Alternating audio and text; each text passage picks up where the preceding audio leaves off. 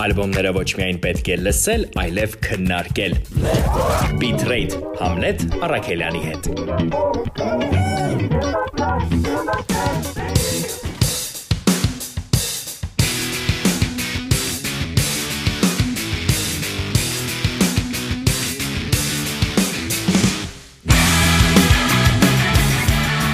Ժամանակն է բոցավառվելու ասում են Foo Fighters-ի տղաները եւ մեզ հravirում կրակ անելու ալբոմ, որը ինքնին կրակ է, բայց կոչվում է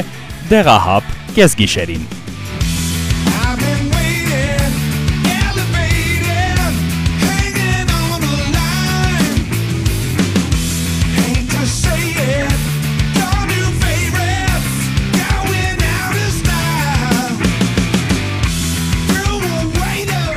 Ինչպես գրոլն է երկում, ինքը մի ամբողջ կյանք է սпасել, ապրելու, ոցավարվելու համար եւ հենց դրա համար էլ կրակ է անում։ Առաջին իսկ երգը Medicine at Midnight ալբոմի, որը կոչվում է Making a Fire, միանգամից ստեղծում է այն դրամատրությունը, որով էլ շարունակվում է ամբողջ ալբոմը։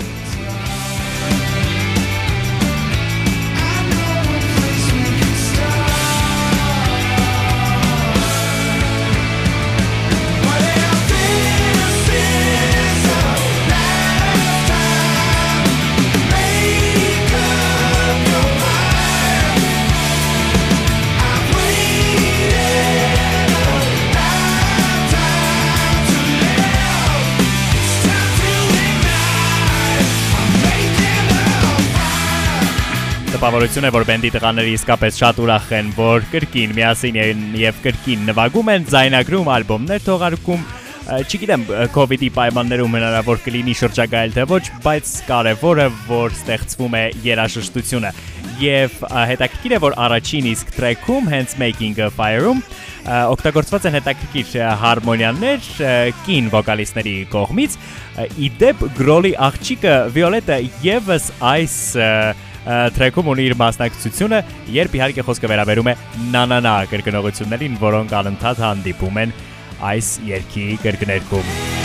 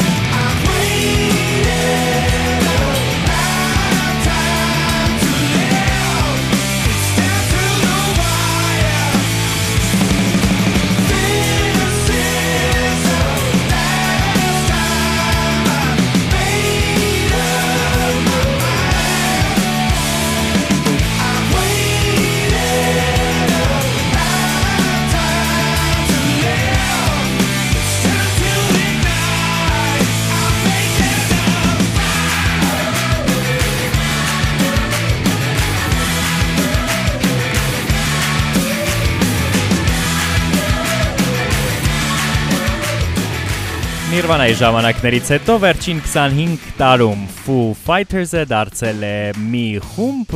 որտեղ կա հստակ համակարգ եւ տղաները, մասնավորապես ը, Dave Grohl-ը երբեք չեն սխալվում։ Նրանք միշտ կարողանում են վերադառնալ այն ձևաչափին, որը միշտ հաջողում է, թե այս խմբի դեպքում, թե ռոքում ընդհանրապես։ Բայց այս ալբոմով, որը 10-րդ ալբոմն է արդեն Foo Fighters-ի Medicine at Midnight-ով, կարող ենք ասել, որ տղաները շատ ավելի խիզախ քայլ են արել եւ փորձել են իրենց տրանսֆորմացնել։ Այս անգամ այն շատ բնական է ստացվել եւ ի դեպ շատ շատ է փոփի ազդեցությունը։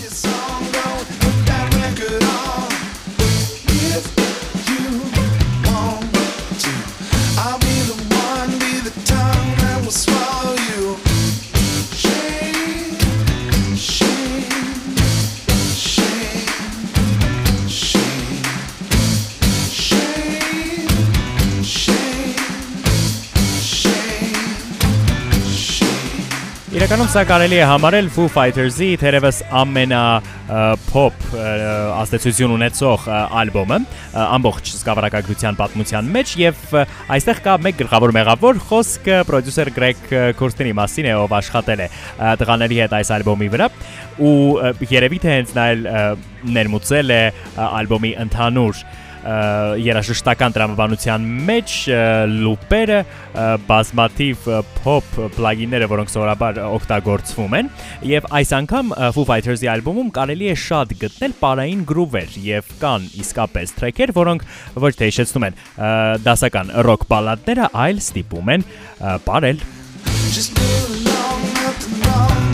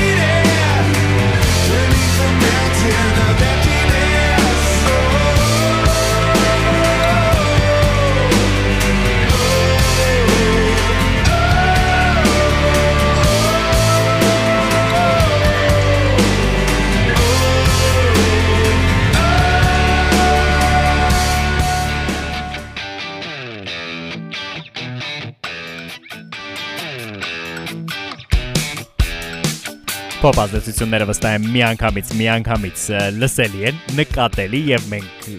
վստահաբար դրանք զգում ենք ու պարտադիր պետք է նշել, որ այս ալբոմի դեպքում բոլոր այն տրեքերը, որտեղ փոփը շատ ավելի դոմինանտ է, քան սովորական Fighter-ական երաժշտությունը, որը մենք սովոր ենք լսել, այդտեղ ալբոմը վստահաբար տուժել է եւ մենք գործ ենք ունենում այս դեպքերում ոչ թե բենդի տրանսֆորմացիայի հետ կամ երաժշտական մտածողության փոփոխության, այլ պարզապես ռիթմերի եւ հնչողության, որը մեզ չափազանց ծանոթ է եւ ոչ մի նոր բան չի ասում։ Calling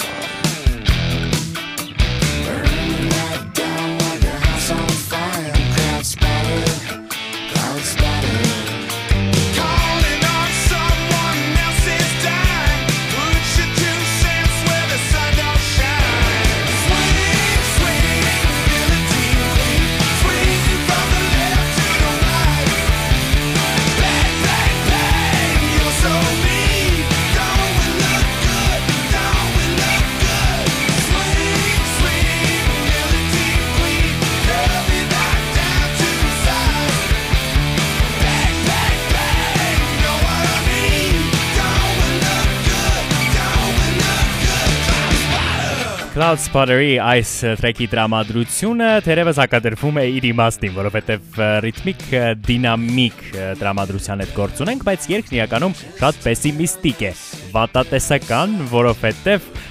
երգվում է զգացողությունների մասին, որոնք մարդու հետ պատահում են, երբ նրան մերժում են բնականաբար մերժված ռոքերը ինչ պիտի անի պիտի ասի bang bang եւ սկսի իր գիտարի հնչողություն հնչողության միջոցով ամբողջ ագրեսիան, որը կուտակված է, դուրս հանել եւ ասել. Արդյոք մենք լավ տեսք չունենք։ Չէր կարելի մեզ մերժել, էլի։ Դե, հատկապես Դեյվին, որ հաստատ։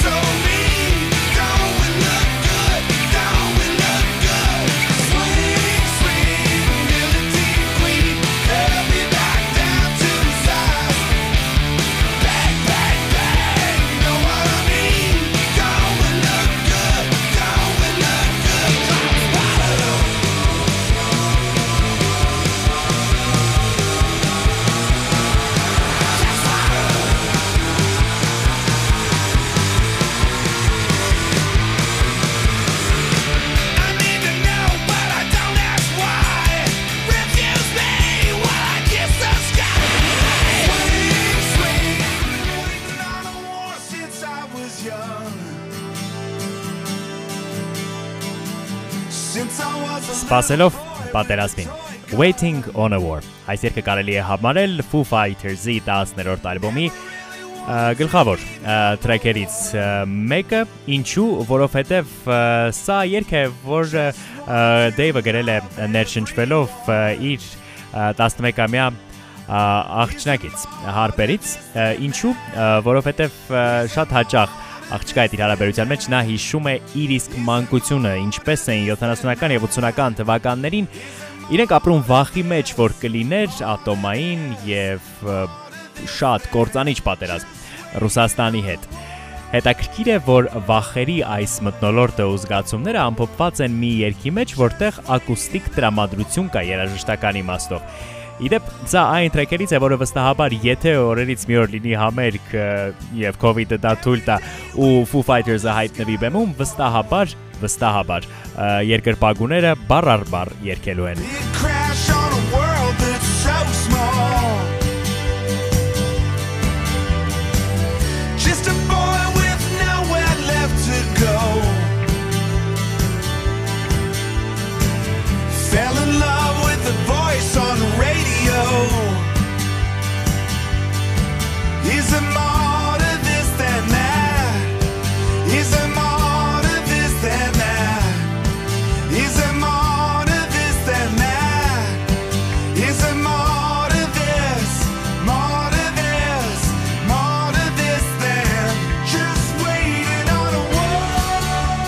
Ճիշտ է, Դեյվը, Դեյվը այս երգը գրել է իր մանկության մասին, այն մասին, թե ինչպես էր Վաշինգտոնում ապրելիս դեռ 80-ականներին անընդհատ զինվորներին տեսնելիս, որոնք անցնում էին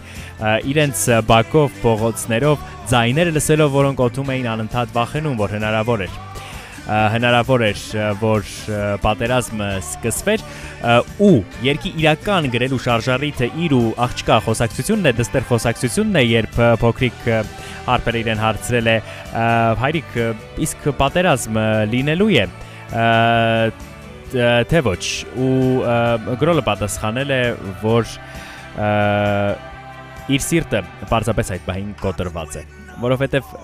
պատերազմին սпасելով ապրելը բավականին, բավականին դժվար է։ Եվ թերևս սրա գիտակցումը շատ ավելի շատ ունենք մենք այս պահին այերս։ Ու այո, երբեմն ոչ մեր հայրենակիցների կողմից ստեղծված երգերը կարող են ինչ որ առումով արտացոլել մեր հույզերը։ Եվ սա այդ երգերից մեկն է։ Սպասելով պատերազմին երգում է Դեյվ Գրոլը եւ ուզում է, որ մեր կյանքը այդ սպասման մեջ չապրի,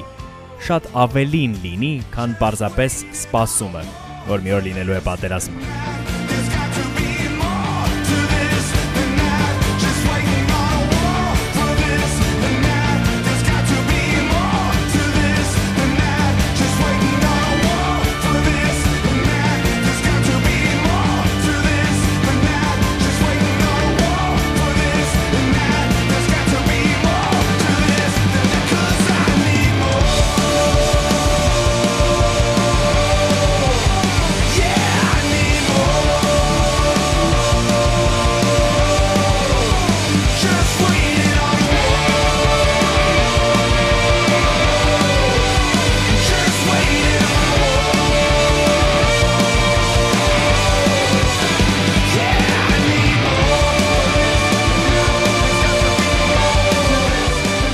Երկ, որը գրվել է դստեր Հարպերի համար, բայց մտքում ունենալով այն, որ յուրաքանչյուր երեխա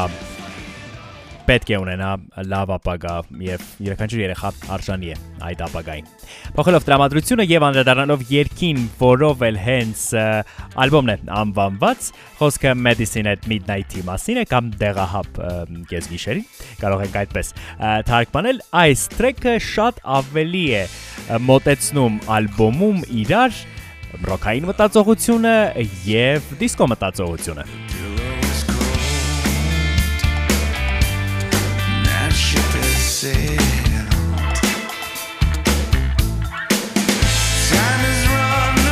dry. Գրոլի երկեցողությունը այստեղ նմանվում է եւ շատ հաճախ իջեցնում է David Bowie-ին, բայց ամեն դեպքում այս տրեքի ամենակարևոր հատվածը իհարկե Stevie Ray Vaughan-ի ոճով արվող գիտարային սոլոն է եւ ընդհանրապես սա կարելի է նաեւ համարել ալբոմի լավագույն պահերից մեկը։ Beat it.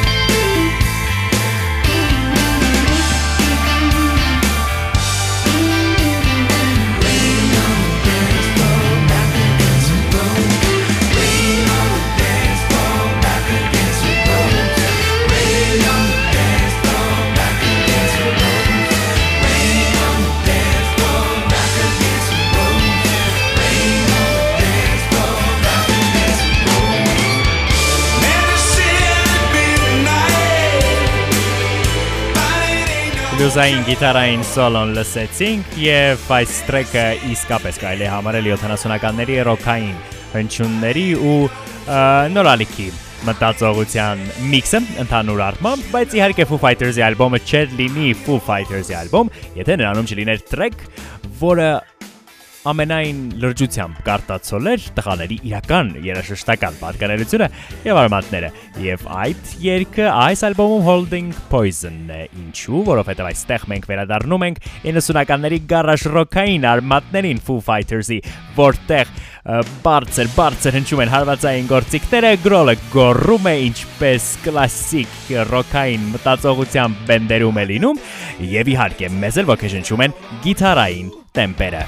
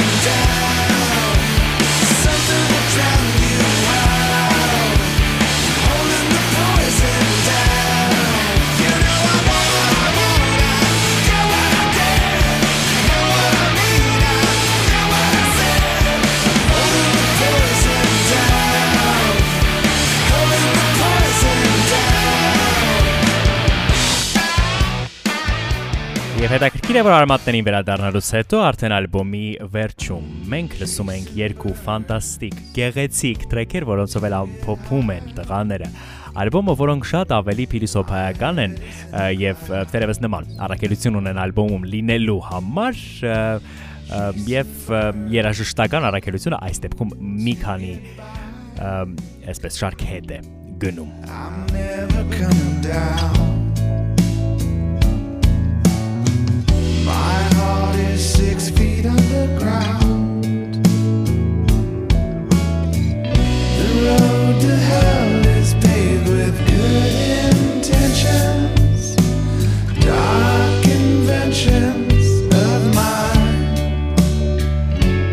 Ճանապարհը դեպի դժոխք կառուցվում է լավ միտումներով։ Երկում է Դեյվը։ Եվ դրանք իմ մութ հնարածներն են։ Շատ պոետիկ։ Իրականում տողեր կան երկում, որը կոչվում է Chasing Birds, կամ ցիտիկների հետևից գնալով, նրանց փնտրելով, նրանց հետևից ընկնելով, եւ սա կարծես ինչ որ հայացք լինի երկնքին կամ հայացք լինի ինքն իրեն, Դեյվի դեպքում։ Սա մարդու մասին է, որի սիրտը շատ-շատ հողատակերում է, ներքևում, բայց հայացքը երկնքին է։ Եվ այդ պայքարի մասին է, որտեղ իսկապես ճանապարհը դեպի դժոխք Stechs Fume, lauf mit um Nerv.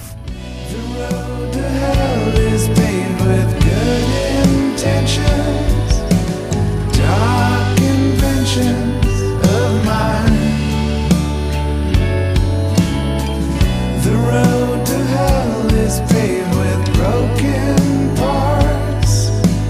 bleeding hearts like mine.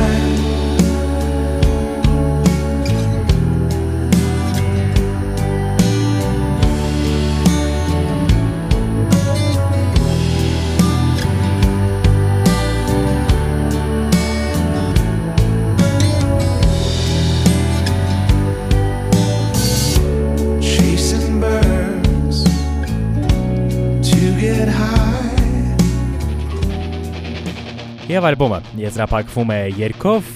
որը սիրո մասին է, որը երիտասարդ է մեռնում։ Love dies young։ Կամ սիրո մասին, որը չսկսված ավարտվում է։ Ու Դեյվը ինքնին հարց է տալիս։ a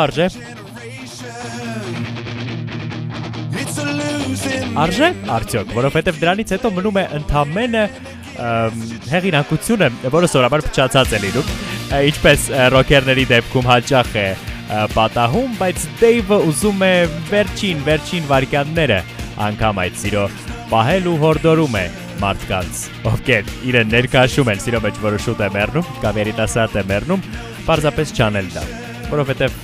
ափսոսում է եւ վայելում է եւ ափսոսում ինչպես ամեն ինչ կյանքում հետաքրքիր է որ ալբոմը որը սկսվեց վառվելով կրակ անելով ավարտվում է մի նոտայով որտեղ սերը շատ շուտ է մահանում դեռ չսկսված սա թերևս իր մեջ ներառում է ժամանակի այն ամբողջ մտածողությունը որը ալբոմում կա եւ երաժշտության միջոցով փորձում է կոտրվել չէ՞ որ հնչողության մեջ այդ գորոցի մեջ, որը մեզ բերում է նման ռոքային երաժշտությունը, կա պահի մեջ ապրելու անհագ ցանկությունը եւ նրա, որ այդ պահը երբեք չավարտվի։ Սա վիտրեյտներ, մենք լսում էինք Foo Fighters-ի Medicine at Midnight ալբոմը, որը տղաների 10-րդ ստուդիականն է եւ հուսանք ոչ վերջինը։